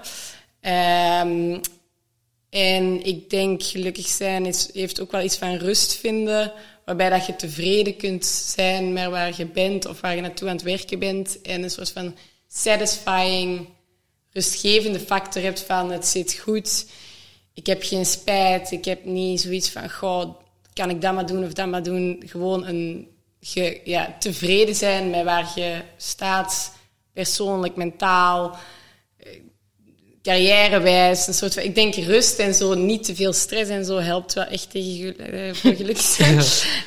um, en ook een, ik denk een deel waarbij dat je kunt doen wat je graag doet. Dat je, ik denk iedereen doet, moet wel dingen doen die ze niet super leuk vinden, maar zolang dat je dat kunt beperken tot een limiettijd, dan uh, ja, denk ik dat je echt wel gelukkig kunt zijn. Dus koer bij jullie allebei rust in je hoofd. Ja. Uh, hoe doe je dat? Zit je dan zo in een ongemakkelijke houding op je kussen in een oranje gewaad zo te mediteren? Nee, ik heb uh, nog nooit geyogaat of gemediteerd. um, nee, ik denk dat eerder een, uh, geen oefening is, eerder een... Um, Mentale state. Ja, state of mind, mentaal. Um, ja, ik weet niet geen oefening, eerder... Gewoon een, peace of mind. Ja, inderdaad. Om in het moment te komen en zo. Ja, we hebben dus zo de spirituele leermeester gehad en die heeft mij geleerd hoe dat je in minder dan een minuut een diepe, stabiele staat van innerlijke rust kunt ervaren. Echt? Zonder moeite op gelijk wat moment. Oké, hoe? Vertel het eens. Wil je het, eh, wil je een keer ervaren? Ik kan, eh, ik kan het jullie nu laten Ja, ervaren. ja. Oké, je hoeft niets te doen. Ik zou zeggen, je hoeft geen mantra of zo te zeggen. Je moet je ogen toedoen, open doen. Eh, maar eh, oké, als het goed is, eh, dan start ik nu.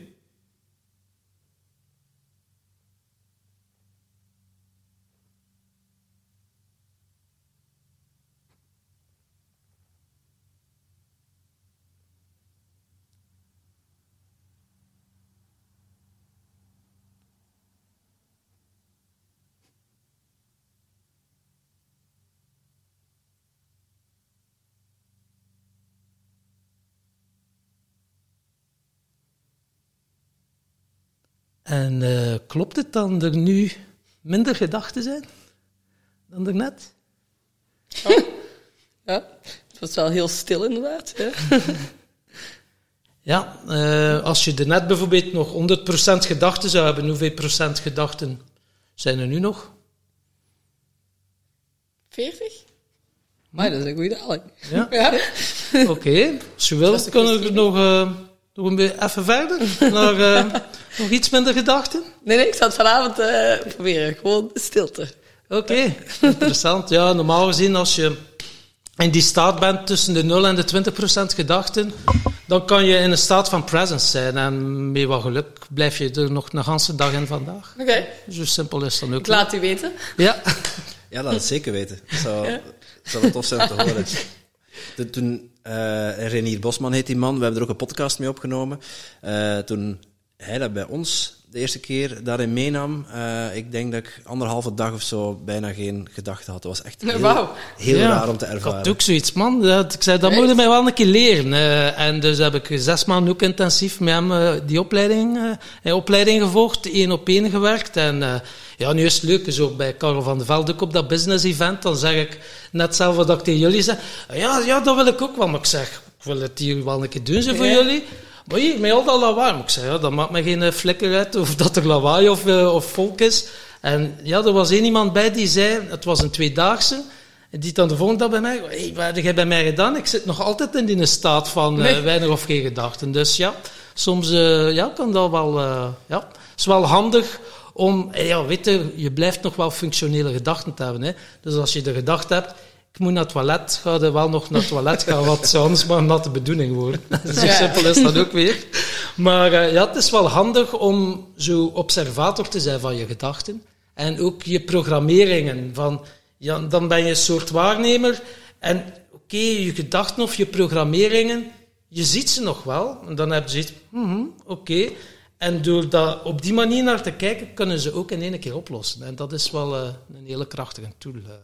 En dat leer ik nu mensen, omdat ik eerst vooral mensen begele- begeleiden op een pad naar een leven zonder verslaving. Nu heb ik zoiets van, nee, veel meer mensen hebben ook nood om uit hun hoofd te geraken. En eh, zeker als ze belangrijke keuzes moeten maken, is dat wel belangrijk om vanuit een peace of mind die keuzes te gaan maken, omdat die juist en kloppend zijn. Omdat dat, eh, ja, het is onze bedoeling toch om onze zielsmissie expressie te geven en te brengen. Tot expressie te brengen, maar daar, ben jullie, daar zijn jullie natuurlijk al heel goed mee bezig. Hè? Ik Oké. denk, ik denk dat zij weinig anders kunnen dan een zielsmissie en eh, jullie hebben het over, eh, een paar keer over spirits gehad. Ehm, als wij het in onze podcast over spirit hebben, dan hebben we het vaak over eh, spiritualiteit. Ja. Ik ben wel benieuwd, hebben jullie, hebben jullie, zijn jullie bezig met spiritualiteit? Hebben jullie daar ervaring mee? Ehm, definieer spiritualiteit, hoe dat, jij dat ziet. Ehm, Ja, hoe zie jij dat eigenlijk? ja, dat is een goede vraag. Eh, voor mij is dat jezelf eh, ontwikkelen en jezelf zijn, een leven vanuit je diepste kern. Ja, vind ik wel belangrijk, ook al mee bezig. Maar misschien niet bewust met ehm, oefeningen, maar eerder gewoon een soort van gevoel van hoe daar te geraken, daar te zijn, mee bezig zijn van ik wil gelukkig zijn, ik wil een, een zo, ja, daar eerder, denk ik. Het is echt leven in het, in het moment, in het nu. Ja, in het positivisme zien, in de... ehm, ja, niet in een negatieve spiraal. eh, Ja, redelijk positief in het leven staan Ja. en daar zo. Positiviteit is een belangrijk. Wat zijn eh, jouw belang- belangrijkste kernwaarden? Vind jij heel belangrijk als je er zo... Ja, dat zijn er zo van die oefeningsjes. Karel van der Velde doet dat ook kijk, constant. De, de vijf belangrijkste kernwaarden. Als je daar naar leeft, dan, eh, ben, dan, ben je, dan heb je een gelukkig leven. En eh, wat, is jouw, eh, wat zijn jouw belangrijkste kernwaarden? Eh, ik denk eh, positiviteit. Ehm, doelbewust. eh, ambitieus. Zijn. eh, gepassioneerd zijn. ehm, Liefde. en Smietmoedigheid, Joyce. Dat ik tanden bijten.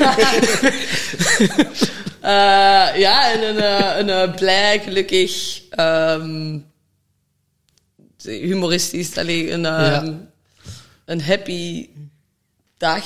eh, een dag niet gelachen en een dag niet geleefd. Ja. Eh, zoiets. Ja. Ja, ik denk eh, liefde. Ik denk eh, authenticiteit en, en eerlijkheid vind ik wel echt heel belangrijk. Eh, en passie. En ehm, ik denk samen, samenheid. Ik denk dat je eenzaam... maar Ik bedoel, ja, gewoon met meerdere mensen. Eh, Is dat dan verbinding? verbinding? Ja, verbinding. Ja. Ehm, en succesvol, ambitieus. Ik denk dat het belangrijk Ja. is. Succesvol, je zegt het net. Eh, wij vragen onze gasten eigenlijk ook altijd een definitie van succes. Kun je, Ja. kun je dat voor jezelf verwoorden? Wat, wat is succes voor jou? Ik denk succes is eh, weten wat je wilt in de lange termijn en daar naar aan het bouwen bent en tevreden bent naar hoe dat je eh, in de journey daar naartoe staat. En ehm, ik denk blij zijn met wat je aan het doen bent. Ik denk terug die tevredenheid. En ehm, ja, ik denk ook wel gewoon voor jezelf wel redelijk ambitieus en sterke doelen zetten en daar ja, het gevoel hebben dat je op weg bent om dat te behalen. En dan hopelijk ooit behaald. En dat is dan het ultieme succes. Dus je doelen, ja, eigenlijk de, je zegt de, de weg ernaartoe is belangrijker dan, eh, dan het doel? Of Nee, ik denk dat het doel het belangrijkste is. Maar ik denk dat de weg naartoe eh, onvermijdelijk is. Dus ja, je moet wel de weg doen voordat je het einddoel kunt bereiken. Oké. En kan je er dan ook überhaupt van eh, genieten als je een doel hebt bereikt? Of is, direct, of is het direct zo, ja, doel bereikt, ja, het volgende doel. Nee, nee, ja. nee, nee, nee. Ah, Oké, nee. Nee, nee, zeker niet. Ah, ik bedoel, beide, hè. ik denk de successen vieren en nieuwe doelen zetten. Ja. Raisa, hoe zou jij succes definiëren? Ehm, al die moeilijke vragen, zeg. Eh, ik denk dat dat een goede omschrijving was. Ehm, succes is ehm, ja, de tevredenheid met het halen van wat je wilt. Eh, dus ja, privé of, of business of... eh, ja, moeilijke vraag. Wat zijn de beste antwoorden dat jullie al hebben gekregen? We, hebben- we, we hebben, zeg, dat hebben we nog even nodig. We hebben meer dan 130 gasten geïnterviewd. En we krijgen En altijd een ze ander, andere, altijd een ander antwoord. Ja. Ja. Sommigen zeggen, ja, voor mij is geluk en succes hetzelfde. ja, ja, dat is inderdaad... eh. ja, Ja, kijk. Oh, wat is het verschil? Eh, ik denk dat geluk een iets persoonlijker iets is en een succes is, een, is het middel om gelukkig te zijn, Oké. misschien. En geluk is het, is het gevoel en succes is eerder de uitkomst of zo. Nee, eerder het middel. Ja. Mooi. Mooi, ja. Eh, wa- Mag ik nog iets vragen, Tom? Want- Ja, moet, ah, ja.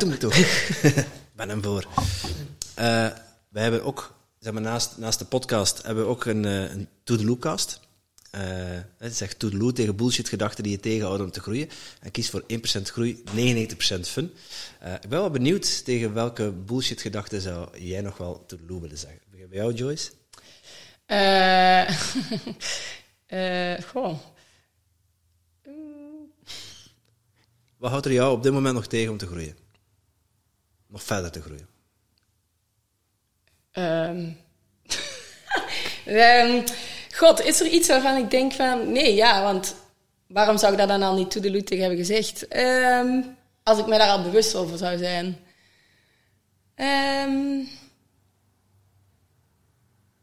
Goh, dat vind ik moeilijk. Want als ik dat nou echt zou weten, dan... Dit is geen goed of fout, hè? Ah, Nee, ja, snap ik, snap ik. Ehm, Ik ga geen punten uitdelen op het einde van de podcast. Ik krijg er punten op. Ehm, waar zou ik jullie tegen wil zeggen? God, ehm, ik denk misschien de gedachte, eh, of ik denk eerder misschien kwaliteiten zoals ongeduldig. Ik zou wel wat geduldiger moeten kunnen zijn, denk ik. Eh, het niet zo zwart en wit zien soms. Maar of dat dan nou gedachten zijn die mij tegenhouden, dat nou niet per se. Ik denk eerder eh, karakteristieken. Dat dat misschien moeilijker is om to te iets te zeggen. of dat je... Dat is een beetje de zelfontwikkeling. Gedachten, god, Reisa. Eh, Wat zijn uw gedachten? Ik denk, ehm, ja, gedachten of karaktereigenschappen? Je mag dat zelf invullen. Ik denk eh, karaktereigenschappen als ehm, bijvoorbeeld schorpioen. Die, eh, en dat hebben wij heel hard. eh, wij zijn in november geboren. heel hard van als iemand iets fout doet, dan dat is het. En ik vergeet nooit meer dat je dat hebt gedaan. En ik vergeef het wel, maar ik vergeet het nooit. Ik denk daar kunnen wij alle twee veel van, kunnen wij wel veel, veel in verbeteren. Ehm, en ik denk gedachten die mij tegenhouden. Goh. Ehm, ik denk dat ik mijn momenten bijvoorbeeld liever kan zijn, geduldiger kan zijn met mijn vriend bijvoorbeeld. Ehm, maar voor de rest is het oké. Oké. Ik hoor bij jullie allebei geduld. Eh, aan de andere kant hebben jullie wel eh, het geduld gehad om, om jullie bedrijf te laten groeien. Eh, in welke zin zouden jullie dan nog meer geduld willen hebben? Meer in het dagdagelijkse. ehm, ik denk, de bigger picture en de lange termijn eh, heb, heb ik heel veel geduld in. Of heb ik... eh, De Rome wordt niet gebouwd op een dag. Dus ik denk in de grote dingen in het leven is niet in het dagdagelijkse. Elke dag zijn kleine stapjes om daar naartoe te werken. Maar ik denk eh, geduld in letterlijk van u klaarmaken, ik moet nu vertrekken. Als iemand vijf minuten te laat is, daar word ik gek van. Of als iemand op een afspraak te laat is, of dat soort dingen. Letterlijk de minuten in een dag, daar heb ik geen geduld in. En er zijn maar 24 uur in een dag, dus laat het gewoon allemaal heel snel doen, dat eerder. Uh, maar als het dan daar tegenover over maanden of jaren gaat, heb ik eigenlijk wel heel veel geduld, inderdaad. uh, ja. En uh, ja, jullie spreken van doelen stellen is heel belangrijk. Hoe doen jullie dat? Goede doelen stellen, dan ze toch haalbaar zijn, maar toch ook niet te makkelijk zijn of zo? Gaan jullie dan echt zitten van, oké, van dat uur tot dat uur, nu gaan we een keer onze doelen stellen? En hoe nemen jullie zoiets van, oké, binnen vijf jaar willen we daar staan, oké, dan moeten we binnen vier jaar daar staan, en ga je dan zo? Of uh, doen jullie dat op een andere manier? Uh, ik denk op het begin was dat eigenlijk allemaal een beetje meer organisch. En hey, we just got the way along the way. Wisten wij van, goh, we willen zoveel klanten hebben tegen het einde van het jaar. Maar dat was eigenlijk nog niet van binnen vijf jaar moeten we daar staan. Want dat was allemaal een beetje proberen en testen. En ik denk nu... Het is ook niet dat wij elke dag andere doelen zetten. Ik denk, uh, hoe dat wij dat doen met dubbelletjes... Op het begin van... Het, wij weten waar wij willen zijn in de komende vijf jaar. Hoe gaan wij daar geraken? Um, en dan zetten wij doelen voor de komende vijf jaar per jaar. En dan elke maand kijken wij of dat wij on zijn om dit jaarsdoel te, geraken, te bereiken. Um, en herbekijken wij die doelen wel zo nu en dan. Maar het is ook niet dat wij nou elke maand die doelen aan het veranderen zijn. Want idealiter wilde gewoon wel dat vijf jaar doel halen. Um, en zijn wij wel bezig met... Uh, zijn wij, wij zijn wel heel hard aan het trekken van... Zijn wij om, onderweg op de juiste manier dat we dachten... om die doelen te behalen. Heeft ons team de juiste KPI's. Um, en dan, ja, ik weet niet, dan komt de oorlog in Oekraïne... of dan komt COVID en dan moeten we dat anders gaan bekijken. Maar dat verandert eigenlijk weinig aan het lange termijn doel, denk ik. Oké. En uh, stel, uh, zoeken zo'n vraag dat je af en toe in onze podcast uh, een keer terugkomt. Stel dat je je tienjarige zelf uh, advies zou mogen geven. Welk advies zou dat zijn met al hetgeen dat je tegen, wat dat je nu al geleerd hebt? Goh, op tien jaar was ik nog niet zo bewust. Ehm, dan advies voor mezelf doen. Ehm, goh. Eerder van het komt wel goed en het, dingen duren, nee, duren de tijd, neem de tijd om. Ik denk, vroeger was ik veel meer een stresskip en dacht ik veel meer van, oh, eerst mijn studies van, oh, dat gaat niet lukken en dan met.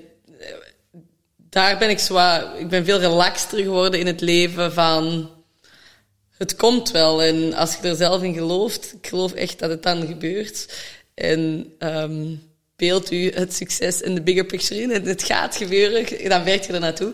Dus ik denk minder stressen, het, het gebeurt wel en het komt wel en het gaat goed, denk ik. Ja, en ik denk, um, ja, inderdaad, ik denk wel ongeveer hetzelfde. En ik denk vooral wel gewoon.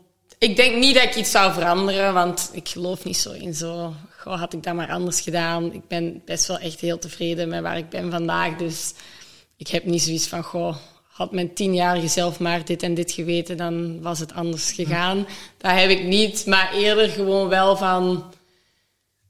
Ik denk als advies meer van, dat heb je eigenlijk niet zo slecht gedaan, maar je moet inderdaad die, zo daar super harde werken en die tijd ingeven en ik denk op het begin, dat wij, toen wij 324 waren, hadden wij, waren wij soms wel heel hard aan het balen van, goh, en je kunt niet naar feestjes gaan, want wij waren dubbel dat je labels aan het plakken op flesjes, of de, zo dat laatste jaren dat je zo niet naar huwelijken van vrienden kunt gaan omdat je moet werken of whatever. Dat is allemaal niet zo erg. Hè. Ik bedoel, die feestjes komen wel terug en je moet altijd wel een beetje ingeven.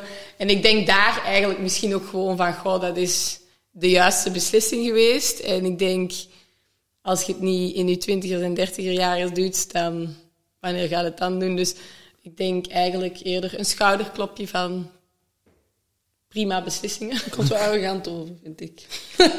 maar ik bedoel gewoon, ik heb niet echt spijt van dingen. En dat is jouw mening, hè? Ja. Voor de record is wat Joyce. Schitterend. Uh, ja, ik ben wel benieuwd als... Uh, uh, ik weet niet meer wat ik wil zeggen. Maakt niet uit. Dan ga ik niks zeggen. Ja, voilà. ik laat dat Tom over. Uh, ik weet ook niet meer wat zeggen eigenlijk. Dan gaan we weer stoppen. Ja. Wat denk je daarvan? Uh, wat dan we wel nog uh, moeten weten van jullie is, je mag een vraag bedenken voor onze volgende gast. Goh. In de trant van? Maar uh, het is wel leuk dat onze luisteraars de vraag ook kunnen beantwoorden. En dat mag gelijk welke vraag zijn. Ja.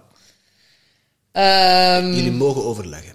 We mogen overleggen. Ja, ja. Een vraag voor de volgende. Um, wat de ultieme weg tot gelukkig zijn is.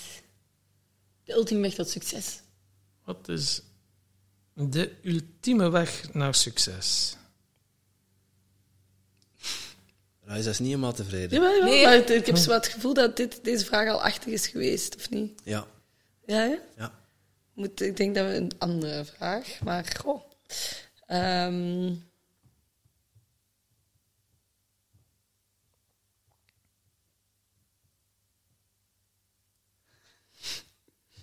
er zijn al zoveel vragen geweest. Um, In de trant van, wat moeten we denken, achtig? Je mag misschien, denken... Misschien leuk om een vraag te stellen waar de luisteraars ook op kunnen kouwen. En, en waar wij zeg maar, het gesprek mee kunnen openen. Om uh, gelijk de diepte in te gaan. Zoals we aan jullie hebben gesteld. Ik ben de... Denk je dat je op weg bent of ben je tevreden naar je vijf jaar doel? En als je er niet tevreden over bent, wat gaat eraan veranderen? En als je er wel tevreden mee bent, wat denk je dat de drie key dingen zijn geweest die eigenlijk ervoor zorgen dat je compleet tevreden bent met waar je binnen vijf jaar wilt staan? Kijk, Specifiek, goede vraag, Joyce. Ja, Tevreden met... Tom is er nu aan het opschrijven. Ja, Heb je- heb een uurtje? Ja. wel een heel lang vraag, maar het is eigenlijk vier vragen in één. Ik weet niet of dat antwoord ja of nee gaat zijn. Ben je tevreden met de weg eh, tot hiertoe naar je vijf jaren doen? Ja, En dan is het dan, ik heb geen vijf jaar aan doen. Ja. Ah, eh, één jaar dan. Waar willen jullie staan over vijf jaar? Ehm, ja, de nummer 1 mixermerk in Amerika en Europa in flevovel tonic waters. Met meer dan 50% marktaandeel in de flavorful tonic markt. Dat is eh, ook vrij concreet. eh. Ja, Mooi. Ik wens jullie er heel veel succes mee. ja dank u. Ehm, is er nog iets wat jullie aan onze luisteraars of misschien beginnende ondernemers eh, die misschien nog twijfelen om te starten, wat jullie aan zouden willen meegeven? Eh, gewoon starten. Ook al is uw product of uw service of wat je doet nog niet klaar. Ik denk eh, zo snel mogelijk gewoon de markt op gaan en eh, betalende klanten te krijgen en daar feedback van te krijgen. Ik denk dat heel veel ondernemers proberen hun eh, product of, of service of wat het is te perfectionaliseren en dan pas te lanceren. En daar eigenlijk veel tijd mee verliezen. Ehm, door surveys en research te doen met vrienden en familie. Maar het is toch altijd anders vanaf dat je echt naar de markt gaat en het echt probeert te verkopen aan betalende klanten. En ik denk dat je daar veel meer, ehm, veel meer van kunt leren en sneller en beter feedback van kunt krijgen. Dus ik zou zeggen, gewoon zo snel mogelijk lanceren en dan gewoon veranderen. Ehm, mensen vergeven nu echt wel van. Wij hebben al onze producten, onze labels, bijna alles eigenlijk veranderd in het begin. Zelfs En- naam, hè? Ja. En ja, Ehm, dus ik denk dat dat helemaal oké is. En ik denk eh, eigenlijk hoe jonger dat je eraan begint, hoe minder dat je te verliezen hebt. Eh, en hoe makkelijker dat het eigenlijk is om, om te gaan beginnen ondernemen. Want hoe later dat je eraan begint, hoe stabieler loon dat je hebt, hoe stabielere werkomgeving dat je hebt. En hoe, hoe meer dat je opportuniteitskost eigenlijk is om echt op te geven. Dus Ja, hoe dikker Ehm. de gouden tralies worden. ja. dus ja, ik weet niet. Ja, en ik denk, ehm vind u zelf, ik denk, eh, ik zou voor iedereen aanraden om een co-founder te hebben of een businesspartner. En indien niet, ik denk dat het superbelangrijk is om u te omgeven met mensen die u willen helpen, die u succes gunnen. Ehm, want ik denk, ondernemen is, ik kan best wel een beetje eenzaam zijn. Dus eh, met zoveel mensen u omringen die u echt het succes gunnen, ehm, ja, zou ik zeer hard aanraden. Een vol gas. En ja, volgas. Vol volgas. Ja, ja. Mooi. Eh, als mensen willen weten waar, ze, eh, waar kunnen ze meer informatie vinden over Double Dutch? Jullie werken vooral B2B, maar eh, ik denk dat gewone consumenten ook jullie product kunnen kopen. Ja, je kunt ons zeker volgen op Double Edge Strings in, op Instagram. En dan op onze website kunnen ze het online kopen. Ehm. En eh, wat is jouw favoriete drankje van Ehm, Double Dutch? Ligt een beetje aan de tijd en eh, dag. Zomer, ja. Zes uur morgens. Met. De double lemon is wel perfect voor een kater, dus die raad ik in de ochtend heel hard aan. Oké. En eh, nee, ik, vind, eh, ik ben momenteel heel erg fan van onze pomgranaat basilicum in een Negroni kind of style spritz met Campari, vermoed en top op met onze pomgranaat basilicum is een, eh, ja, mijn favoriet deze zomer. Oké. En bij mij eigenlijk komkommer watermeloen is onze meest populaire smaak. En altijd super verfrissend. Lekker met gin of met vodka. Of zo als een twist eh, in een mojito eh, in plaats van sodawater. Dus ehm komkommer watermeloen voor mij deze zomer. Of gewoon als healthy adult softdrink. Ah ja, perfect. voor mensen die geen alcohol Ja. drinken, Ja. is sympathiek dat u ook aan mij denkt. Ja, Moet zeker niet met een sterke drank. Mooi. Eh, tot slot, om af te sluiten, nog eh, een toffe quote om te delen. Een quote om te delen. Ehm, oh, Ja, do what you love. En, love, Dat was een heel en love, what you, en love what you do, zeg Ja. ik. ja, inderdaad. Oké. Dankjewel, dames. Dankjewel, eh, Joyce en Raisa. Dank u. En jij natuurlijk ook super bedankt om te luisteren naar deze podcast. Voel jij je geïnspireerd? Je zou ons een enorm plezier doen door ons 5 sterren te geven of een review achter te laten in jouw favoriete podcast-app. En wil je geen enkel inspiratiemoment missen? Abonneer je dan op onze podcast of volg ons op social media at TimTom Podcast. Oké, dan moet je weer terug aan de Tom. Hè?